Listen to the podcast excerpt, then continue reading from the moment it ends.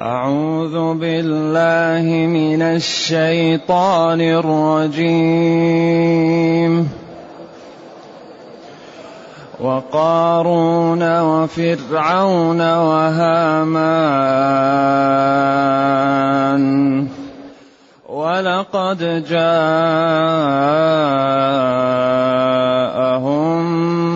موسى بالبينات فاستكبروا اسْتَكْبَرُوا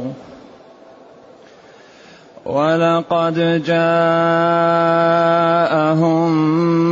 مُوسَىٰ بِالْبَيِّنَاتِ فَاسْتَكْبَرُوا فِي الْأَرْضِ فاستكبروا في الأرض وما كانوا سابقين.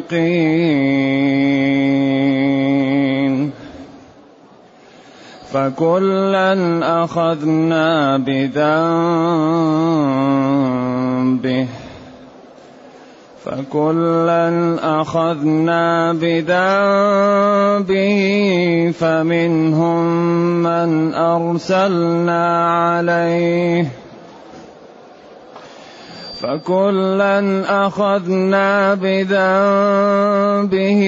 فمنهم من أرسلنا عليه حاصبا ومنهم من أخذته الصيحة.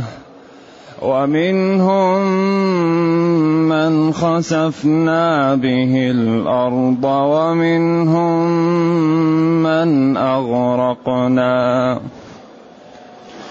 ومنهم من أغرقنا وما كان الله ليظلمهم وما كان الله ليظلمهم ولكن كانوا انفسهم يظلمون ولكن كانوا انفسهم يظلمون مثل الذين اتخذوا من دون الله أولياء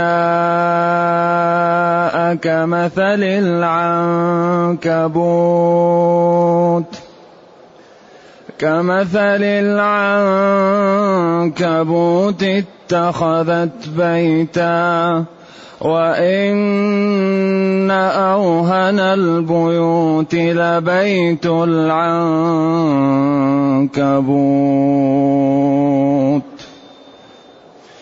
وإن أوهن البيوت لبيت العنكبوت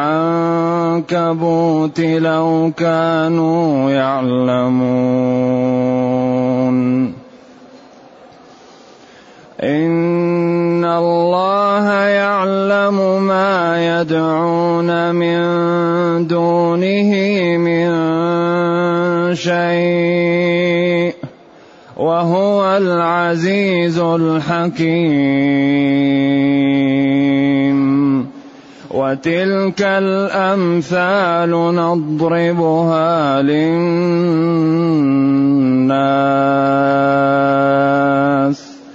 وتلك الأمثال نضربها للناس وما يعقلها إلا العالمون. خلق الله السماوات والأرض بالحق. إن في ذلك لآية. إن في ذلك لآية للمؤمنين. أتل ما أوحي إليك من الكتاب وأقم الصلاة. وأقم الصلاة إن الصلاة تنهى عن الفحشاء والمنكر ولذكر الله أكبر والله يعلم ما تصنعون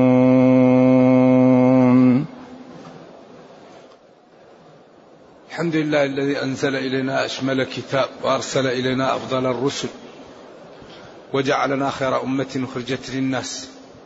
فله الحمد وله الشكر على هذه النعم العظيمة والآلاء الجسيمة. والصلاة والسلام على خير خلق الله وعلى آله وأصحابه ومن اهتدى بهداه. أما بعد فإن الله تعالى يبين في الآيات أفرادا طغوا وتكبروا كما كان يبين في الآيات السابقة أمما طغت وتكبرت. وهذا كله تخويف لقريش وتحذير لها من أن يحل بها ما حل بمن قبلها. فجاء اولا قوم عاد وقوم هود وقوم صالح وقوم شعيب وقوم نوح وكيف أهلكوا وكيف أوقع بهم. ثم هنا ذكر أفرادا يعني أنتم عندكم أبو جهل وعندكم عتبة وشيبة وأمية بن خلف هؤلاء الطغاة في الطغاة كانوا أطغى منهم وقد أوقع بهم انتبهوا. الأمم أهلكت وأيضا الأفراد الذين كانوا لهم بصمات في الطغيان والوقوف في وجه الدعوة أهلكوا. إذا وقارون وفرعون وهامان. ولقد جاءهم موسى بالبينات. قارون هذا كان قريب لموسى. فرعون هذا كان قبطي ملك مصر وهامان كان وزيره. إذا هذه شريحة من الأفراد الذين تكبروا وأوبقوا. فانتبه يا أبو جهل وشيبة وعتبة وأبي بن خلف هؤلاء هؤلاء الطغاة اللي في في في قريش انتبهوا. هؤلاء جاءهم موسى بالبينات. جاءهم نبي الله موسى عليه وعلى نبينا الصلاة والسلام بالبينات أي بالحجج الواضحة التي لا لبس فيها أنه رسول من عند الله. يدخل يده في جيبه فتخرج بيضاء من غير سوء. يرمي عصاه فإذا هي حية تلتهم كل ما حولها. يأخذها فإذا هي عصا. آيات واضحة لا لبس فيها فاستكبروا في الأرض. استكبروا السين والتاء تدل على المبالغة في في في, في الاستكبار. لأن استكبروا يعني تكبروا وأوغلوا في الكبر. لأن استفعل تأتي بمعنى الطلب وتأتي بمعنى أفعل فلم يستجبه أي فلم يجبه. مثلهم كمثل الذي استوقد أي أوقد. استكبروا أي تكبروا ولكن جاءت السين والتاء للمبالغة في تكبرهم. فاستكبروا في الأرض وما كانوا سابق ما كانوا فائتين. سبقه إذا فاته ولم يتمكن من الإيقاع به. يعني هذا الأمر سبق. ما ما يمكن نفعله لأنه انتهى. فكلا تنوين عن عوض. فكلا من هامان وقارون وفرعون أخذنا بذنبه. أخذناه بجريرة جرمه وكفره وعمله السيء. فمنهم منهم من أرسلنا عليه حاصبا. كقوم هود أو قوم قوم لوط الذين نزلت عليهم الحجارة حصبا ومنهم من أخذته الصيحة كقوم هود وقوم شعيب. و ومنهم من خسفنا به الأرض كقارون. ومنهم من أغرقنا كقوم نوح وقوم فرعون وفرعون وقومه. إذا هذه الشرائح التي وقفت في وجه الدعوة ولم تب يقبلوا أن تصل إلى خلق الله وأن وأن رسول الله تبلغ دين الله هؤلاء حل بهم العذاب والهلاك إما من صيحة وإما من حصباء وإما من غرق وإما من خسف. فيا قريش اعتبروا واعلموا أنكم إن لم تقلعوا عن هذا الإجرام وهذا الكفر فإنه سيحل بكم ما حل بالأمم الماضية. وما كان الله ليظلمهم ولكن كانوا أنفسهم يظلمون. وما كان الله ليظلم خلقه ولكن الناس أنفسهم يظلمون بترك اتباع الرسل وبعدم قبول الحق مع قيام الحجة. ولذلك الله لا يدخل أحدا النار إلا بعد أن تأتيه الرسل ويكذب. لو مات على الكفر ولم تأتيه الرسل لا يعذب على التحقيق. وما كنا معذبين حتى نبعث رسولا. رسلا مبشرين ومنذرين لئلا يكون للناس على الله حجة بعد الرسل. وكل الشرائح التي تدخل النار كل ما جاء فوج يراد أن يدخل النار يقول لهم خزنة النار. ألم يأتكم نذير؟ قالوا بلى قد جاءنا نذير فكذبنا. إذا من يقول أن الذي يموت على الكفر ولم تأتيه الرسل يدخل النار غير صحيح. لأن النصوص الصحيحة الصريحة ترده. كل ما ألقي تقتضي التكرار. فوج جماعة وشريحة. سألهم سأل الشريحة خزنة النار. ألم يأتيكم نذير؟ قالوا بلى. ولم يكتفوا. ما قالوا بلى؟ جاءتنا. قالوا بلى قد جاءنا نذير فكذبنا. أبعد هذا نقول يعذب الله قبل أن تأتي الرسل للناس. هذه نصوص صريحة.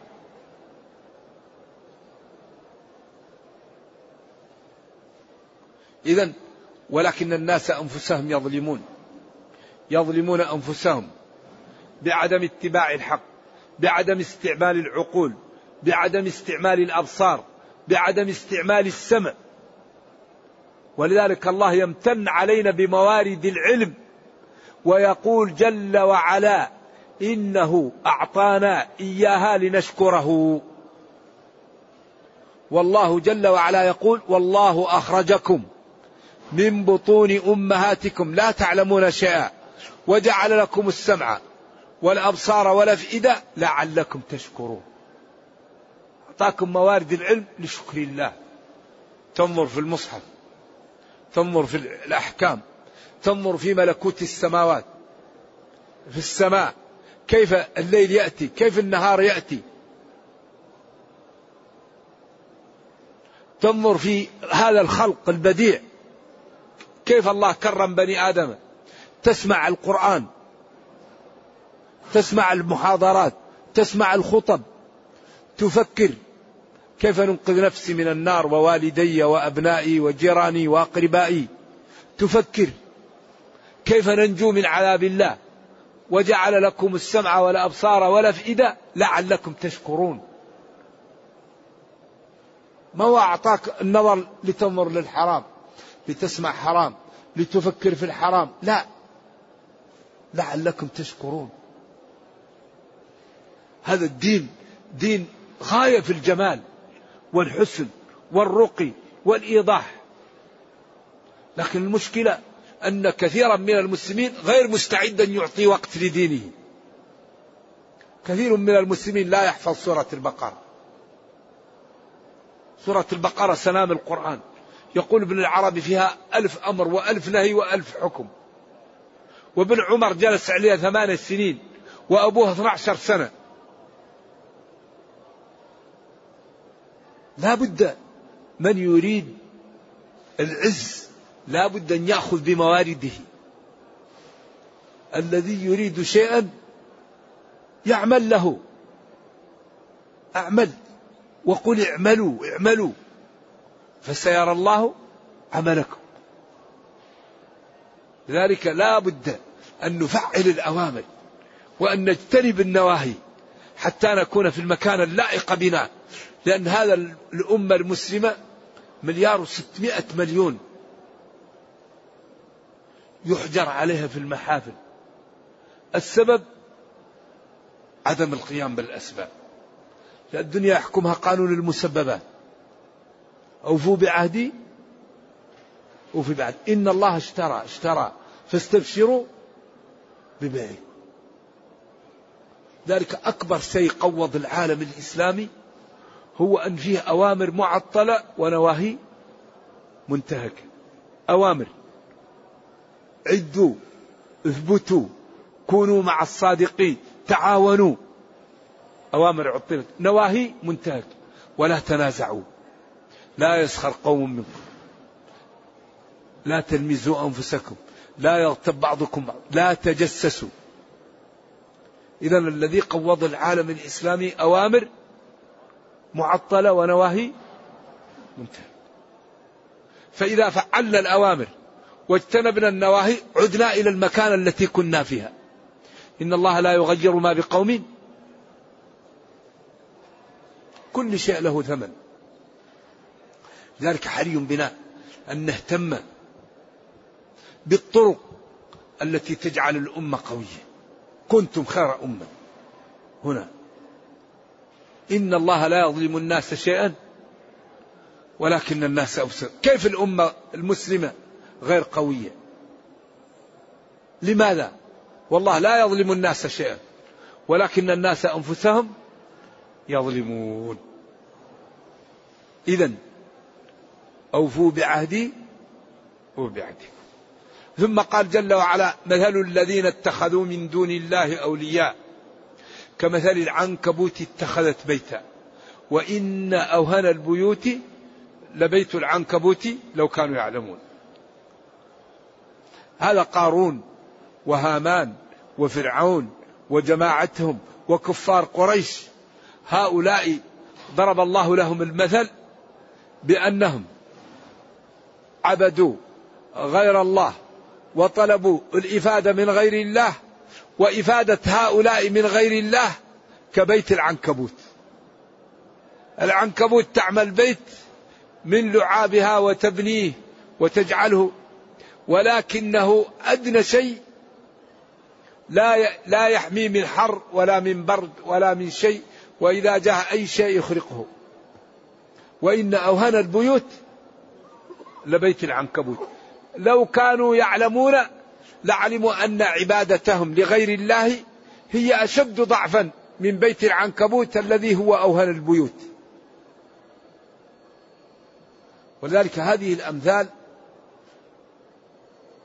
تختصر الطريق وتعطي للعاقل الفهم التام ولكنها لا يستوعبها إلا من أعطاه الله العلم.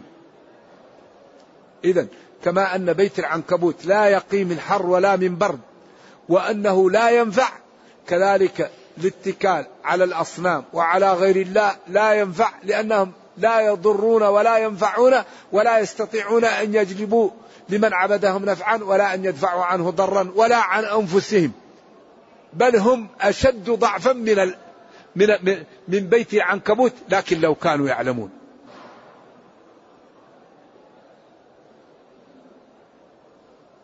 واضح؟ بعدين قال إن الله يعلم ما تدعون من دونه من شيء. ولذلك هذا هذا هذا التعبير فيه إعجاز. والعناكب تنقسم ثلاثة أقسام وهذا الشيء موجود في في علم الأحياء وفي علم الحيوانات. إن الله يعلم ما يدعون من دونه من شيء. إن الله جل وعلا يعلم ما يدعون من دونه من شيء. وهو العزيز الحكيم. إن الله جل عالم بدعائهم أو بالذي يدعونه أو إن الله عالم ما يدعون من دونه من شيء. على أن ما هل هي موصولية أو هي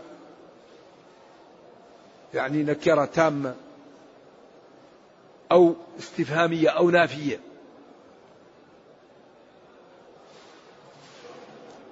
والقرآن حمال بوجوه. أي إن الله يعلم الذي يدعونه من دونه من شيء. فيا ويلهم. وإن الله يعلم ما يدعون شيئا لأنه لا ينفع ولا يضر. أو إن الله يعلم الشيء الذي يدعونه. أو إن الله يعلم أي شيء يدعونه. أي لا يدعون شيئا. وهو العزيز الغالب الحكيم الذي يضع التشريعات في مواضعها. ثم قال وتلك الأمثال نضربها للناس. تلك إشارة إلى هذا المثل. والأمثال مثلهم كمثل الذي استوقد نارا. وقوله هناك إن الله لا يستحي أن يضرب مثلا ما بعوضة. ضرب مثل فاستمعوا له. وهنا وإن أوهن البيوت لبيت العنكبوت. وتلك الأمثال جمع مثل نضربها للناس نبينها لهم ونشبه لهم أمرا بأمر ليقرب في أذهانهم وليستوعبوا ما نريد منهم ولكن لا يعقلها إلا العالمون. لذلك قال بعض السلف إذا أتى مثل من الله ولم أفهمه فأبكي على نفسي أني جاهل.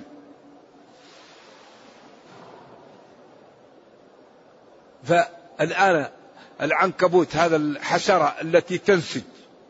أي شيء يأتي شيء يمكن يخرقه. أدنى شيء تلمسه به ينخرق. وإن أوهن أضعف البيوت كذلك أضعف الناس وأضعف إنسان من يعطي حقوق الله للمخلوق. والمخلوق لا ينفع ولا يضر. الخلق كلهم عاجزون. ولا يقدر إلا الله ولا ينفع إلا الله ولا يدفع إلا الله فغير الله عاجز. لأن التنفس تمثل الأكسجين هذا لا يمكن العبد يعمله له إلا الله. تمثل الغذاء. فالعبد عاجز لا ينفع لنفسه شيء. فلذلك صرف حقوق الله. للمخلوق أضعف وأوهن المخلوق من بيت العنكبوت. لو كانوا يعلمون لما عبدوا غير الله ولما صرفوا حقوق الله للمخلوق ولا علموا أن العزه جميعا عند الله وأن الله هو الذي يعطي الرفعه ويعطي الجاه ويعطي الصحة ويعطي كل شيء. ولذلك قال من كان يريد ثواب الدنيا فعند الله ثواب الدنيا والآخرة. يا أيها الناس أنتم الفقراء إلى الله والله هو الغني الحميد. إذا آه، يعني كون العبد يعبد غير الله هذا أضعف من وضرر مثل بيت العنكبوت لا يقيها من شيء. ثم قال وتلك الأمثال إشارة إلى جمع مثل نضربها للناس. والمثل هي حالة تشبه بحالة وأغلب أمثلة القرآن واضحة لا لبس فيها إلا مثال واحد جاء للتنفير والتبشير وهو قوله تعالى الآية إن إنها شجرة تخرج في أصل الجحيم طلعها كأنه رؤوس الشياطين. هذا مقصود به التنفير والتبشيع. لأن أين رؤوس الشياطين؟ ولكن أغلب الأمثلة واضح. إلا كباسط كفيه إلى الماء ليبلغ فاه وما هو ببالغه. ومن يشرك بالله فكأنما خر من السماء فتخطفه الطير أو تهوي به الريح في مكان سحيق. أغلب أمثلة القرآن واضحة. مثل الفريقين كالأعمى والأصم والبصير والسميع هل يستويان مثلا؟ مثله كمثل الكلب إن تحمل عليه يلهث أو تتركه يلهث ذلك مثل الذين ذلك مثل القوم الذين كذبوا بآياتنا. فاقصص القصص لعلهم يتفكرون. ساء مثل القوم الذين كذبوا بآياتنا وأنفسهم كانوا يظلمون. فأغلب أمثلة القرآن واضحة لا لبس فيها.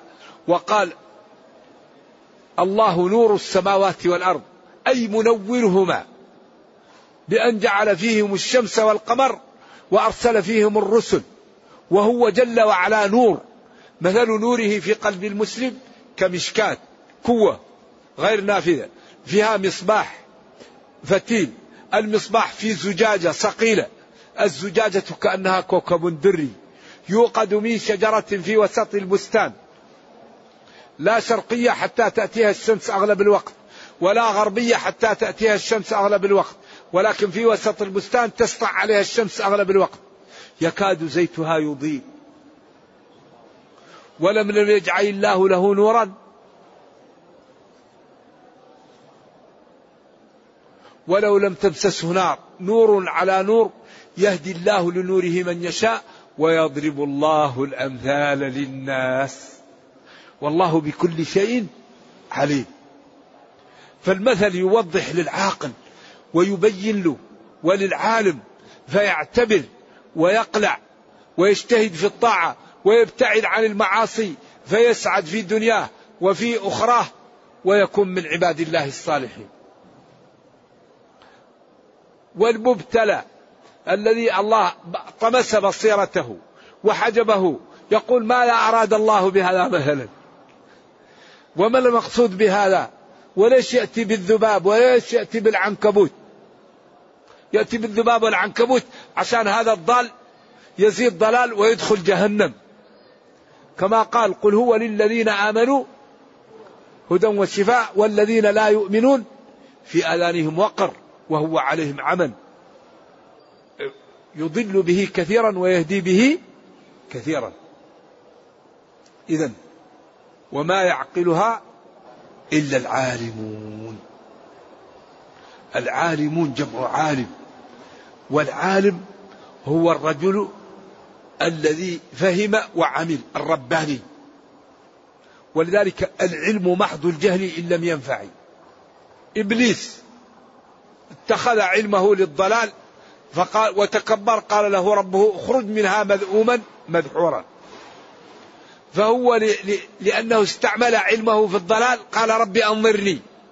يعلم بعلمه أن الله كريم ويعطي. قال إنك من المنظرين.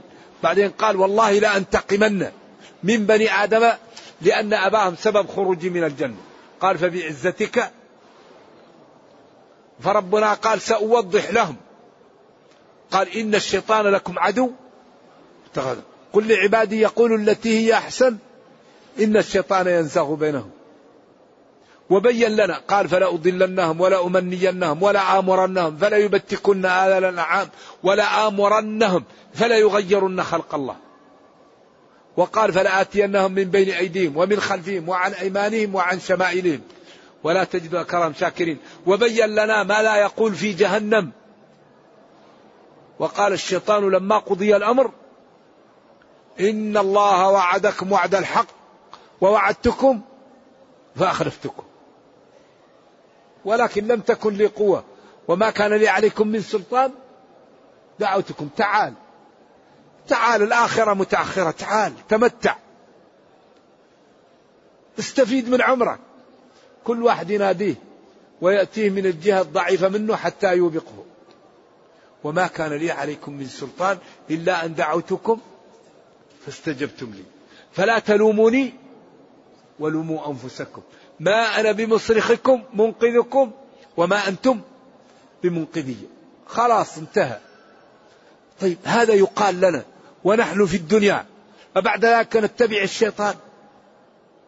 أين العقول؟ أين أصحاب الإرادة والمروءة؟ هذا يقال لنا ونحن في الدنيا الآن. المشكلة اللي راح. المشكلة الطوائف اللي ماتت. أما نحن والحمد لله الآن في الدنيا. من تاب تاب الله عليه. والحسنة بعشر أمثالها. ومن نام يسامح. ومن نسي يسامح. ومن اضطر يسامح. ومن تاب يسامح. ولا يهلك على الله إلا هالك. والله لا عذر لنا بعد هذا البيان. لا عذر بعد القرآن. كل واحد يحتاط لنفسه. والله تبيان لكل شيء. ويضع النقاط على الحروف ويبين. فالنجاة النجاة. البدار البدار. هذا الكتاب كاشف. وموضح. ما يترك لبس. فلذلك كل واحد ينجو بنفسه. ما ترك القرآن لأحد عذر. لأنذركم به. ومن بلغ. خلق الله السماوات والأرض بالحق. خلق الله لا غيره السماوات التي تروها ما فيها من عوج والأرض وتحتها سبع أراضين الجبال والأنهار والطرق وبارك فيها وقدر فيها أقواتها وأخرج لنا منها ما نحتاج إليه. متلبسا خلقه ومصاحبا للحق العدل الثابت لا ظلم. ولذلك لا يصلح الكون إلا العدل. إن في ذلك لآية واضحة ودلالة للمؤمنين أنه لا يستحق العبادة إلا الله ولا يدعى إلا الله ولا يرجى إلا الله ولا يخاف إلا من الله وأن الأصنام والضلال والكفار لا يضرون ولا ينفعون. خلق الله السماوات والأرض بالحق وضع الميزان. والأرض وضعها للأنام ألا تطغوا في الميزان. وأقيموا الوزن ولا تخسروا الميزان. ويل للمطففين. ولا يجرمنكم شنآن قوم على ألا تعدلوا. اعدلوا. العدل أقرب للتقوى. لذلك لا يجد المسلم أخطر عليه في الدنيا من الظلم. المسلم الذي يريد أن يبقى سليم يحذر من ظلم العباد. الإنسان قبل أن يظلم في فسحة في عافية. أما يظلم خلق الله فكأنه جعل الحفر في طريقه وجعل طرق الهلاك في طريقه. فأهم شيء المسلم لا يظلم. لا تظالموا. الظلم ظلمات. اتقوا دعوة المظلوم. فالمسلم لا يظلم. يبقى أمره بيده. رب كريم. إن عصى ربه يغفر له. لكن يظلم خلق الله. بعدين العبد يمد يديه إلى الله يدمره. لا يوجد أخطر من الظلم. فالمسلم لا يظلم. لا جار لا زوجة. لا قريب. لا عامل. لا سائق. لا شخص ضعيف. لا شخص قوي. بعض الضعاف يظلم الأقوياء. هو قوي لكن لا يجوز أن تظلمه ولو أنت ضعيف. كما أنه هو قوي لا يجوز أن يظلمك. فأهم شيء يجعلنا نسلم لا نظلم. إنسان يترك ظلم الآخرين. لأنك إذا ظلمت كأنك جعلت في رقبتك ربقة للآخر. يمكن أي وقت يدعوك يستجاب الدعاء. ولذلك قال له إياك وكرائم إيش؟ واتق دعوة المظلوم. وإياك. لا تأخذ كرائم أموالهم. خذ, خذ الزكاة الصدقة من الوسط. لا العالي ولا الواطي وسط. وإياك وكرائم. بعدين واتق دعوة المظلوم. فإنه ليس بينها وبين الله حجاب. إذا كل واحد منا عنده مظلمة من الآن يتحلل منها. لينجو ويبدأ صفحة جديدة والله كريم. ولا يضيع أجر من أحسن عملا. و وإذا جاءه العبد أعطاه أكثر. أما يكون الإنسان يصر على الظلم هذا أمر خطير جدا. وعاقبة صاحب وبالأخص ظلم الأقارب. ظلم الأقارب أشد وظلم ذوي القربى أشد مضاضة على النفس من وضع السهام المهندي ولذلك الشيطان دائما يأتي بين الأقارب لأن قطع الأقارب عدم مروءة وإثم وعيب وفضيحة. فلذلك تأتي دائما الشيطان يأتي بين الأقارب. ما زارني لا أزوره وتجد الأقارب مقطعة. هذا لا يجوز. ولذلك التغاضي عن الإخوان هذا من السيادة. حمل المشقة واحتمال أذى الورى ليس المشمر للعلا كالقاعد. قل للذي طلب العلا بسواهما أي حمل المشقة واحتمال أذى الوراء هيهات تضرب في حديد بارد. خوك ما زارك زره. خوك قطعك صله. رحيمك. الشيطان يأتيك ويقول لك ما جاك؟ قل له الله يلعنك بكيفه. لذلك نبينا صلى الله عليه وسلم ليش مدح الحسن بن علي؟ قال إن ابني هذا سيد. وسيصلح الله به بين فئتين عظيمتين من المسلمين.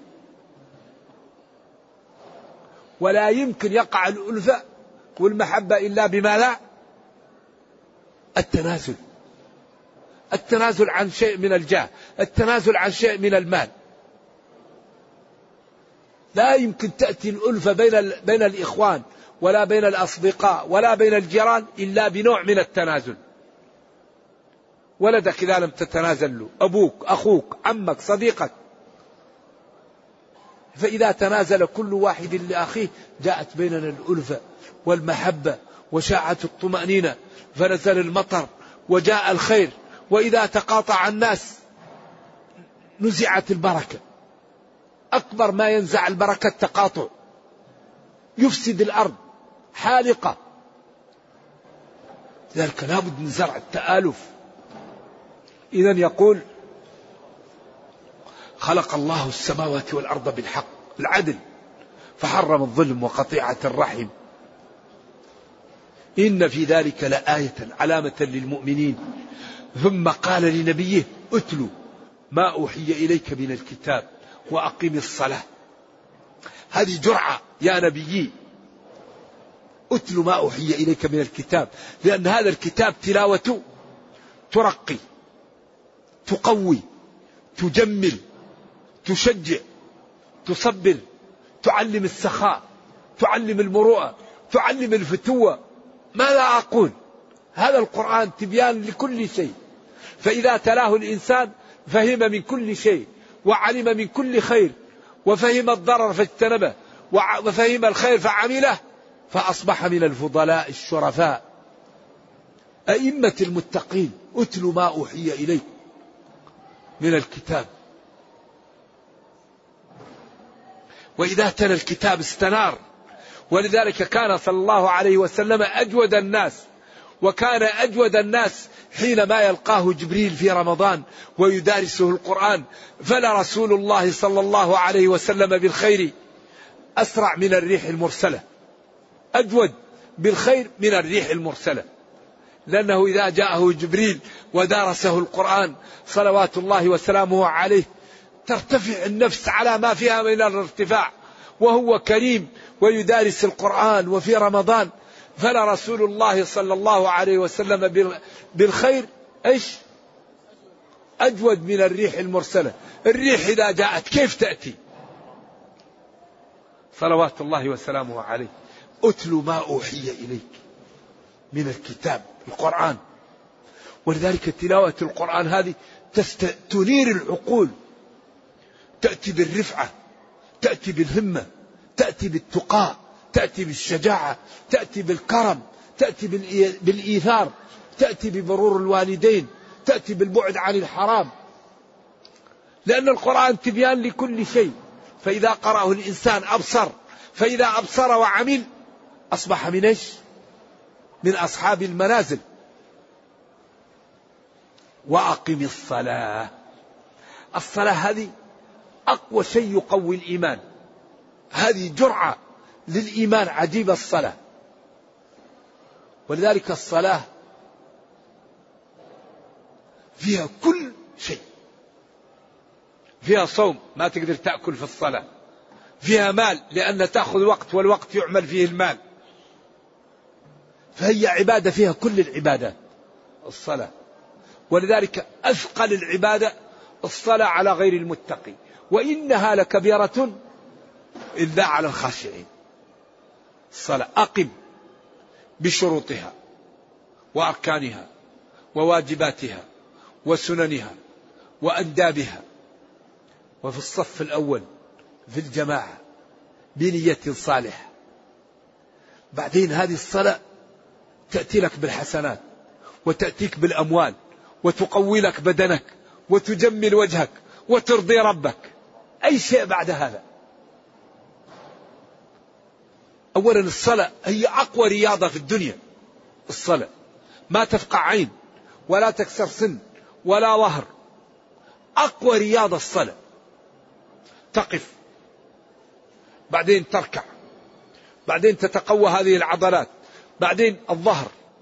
مرض الصلوين يفتك بغير المصلي. نادر تجد مصلي عنده آلام في الظهر.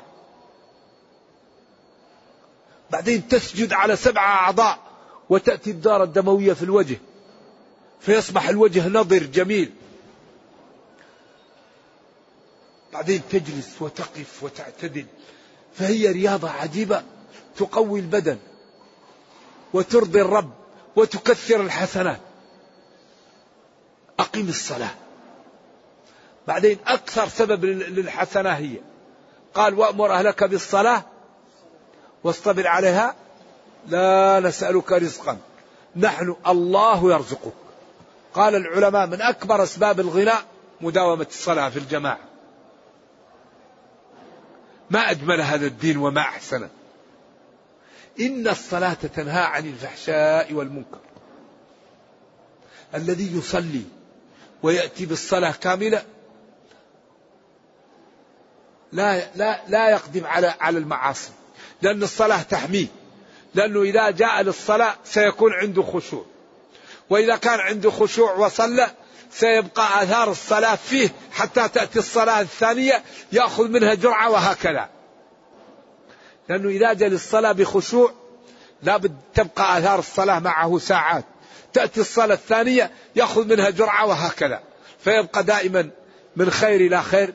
لأن كل صلاة يأخذ منها جرعة تأتي الصلاة اللي بعدها يأخذ منها جرعة فيبقى بعيد عن المعاصي. لكن إذا كان يأتي بالصلاة من غير نية ومن غير وضوء كامل ومن غير طهارة كاملة وينقرها نقر الديك وإذا قال السلام عليكم لا يدري كم صلى الإمام ولا يدري ما يعقل. ما لك من صلاتك لا ما عقلت. يصلي الرجل ولا يكتب له شيء من الصلاة. يكتب له ربعها ثلثها عشرها. ونادر تكتب له كاملة. إذا كان حاضر وكان مع صلاته حتى يسلم. هذا يأخذ الدرجة الكاملة فيها. ولذلك قد أفلح المؤمنون الذين هم في صلاتهم خاشعون. شوف دقة القرآن. في صلاتهم خاشعون. لذلك قال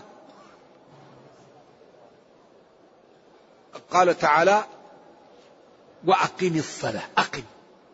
ما قال أد الصلاة. أقم لأن الإقامة تطلب أركان وشروط وواجبات وسنن وأنداب بعدين قال إن الصلاة تأكيد تنهى عن الفحشاء. الفحشاء هو الفعل الذي يكون حرام كالزنا وكعقوق الوالدين. هذا فحشاء. والمنكر هو الذي إذا سمعه الناس أنكروه. لا يقبله العقل السليم ولا الشرع. هذا هو المنكر. ولذكر الله أكبر. تعال ذكر الله أكبر. من كل شيء. هنا اختلف العلماء وأقوال كثيرة تنحصر في رأيين. ولذكر الله أكبر للعبد من ذكر العبد لله وأنفع له. ولذا من ذكرني في ملأ ذكرته في ملأ خير منه. هذا اختيار الطبري. ولذكر الله أكبر من كل ذكر لأن الله تعالى إذا ذكره العبد امتلأ قلبه من الخوف فابتعد عن جميع المعاصي. لأنه إذا علم العبد عظمة ربه إذا ذكره أكبر من كل شيء فيخاف ويستقيم ويطيع فيكون أكبر شيء ذكر الله.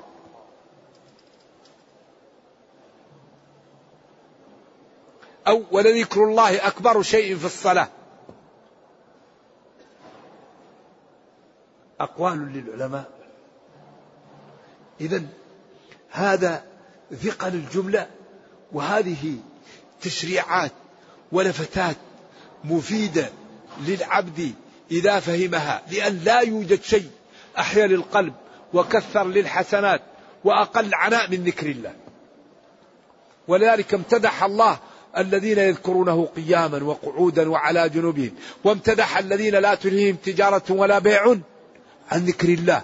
وقال للذي قال له أوصيني قال لا يزال لسانك رطبا من ذكر الله.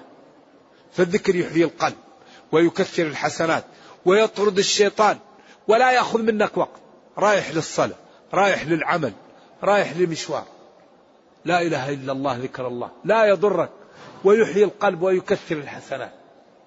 والله يعلم ما تصنعون. هذا تهديد وتخويف وترغيب وفيه من الإعجاز ما الله عليم به. الله يعلم ما تصنعون.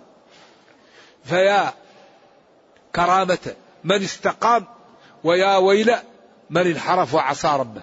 والله يعلم ما تصنعون.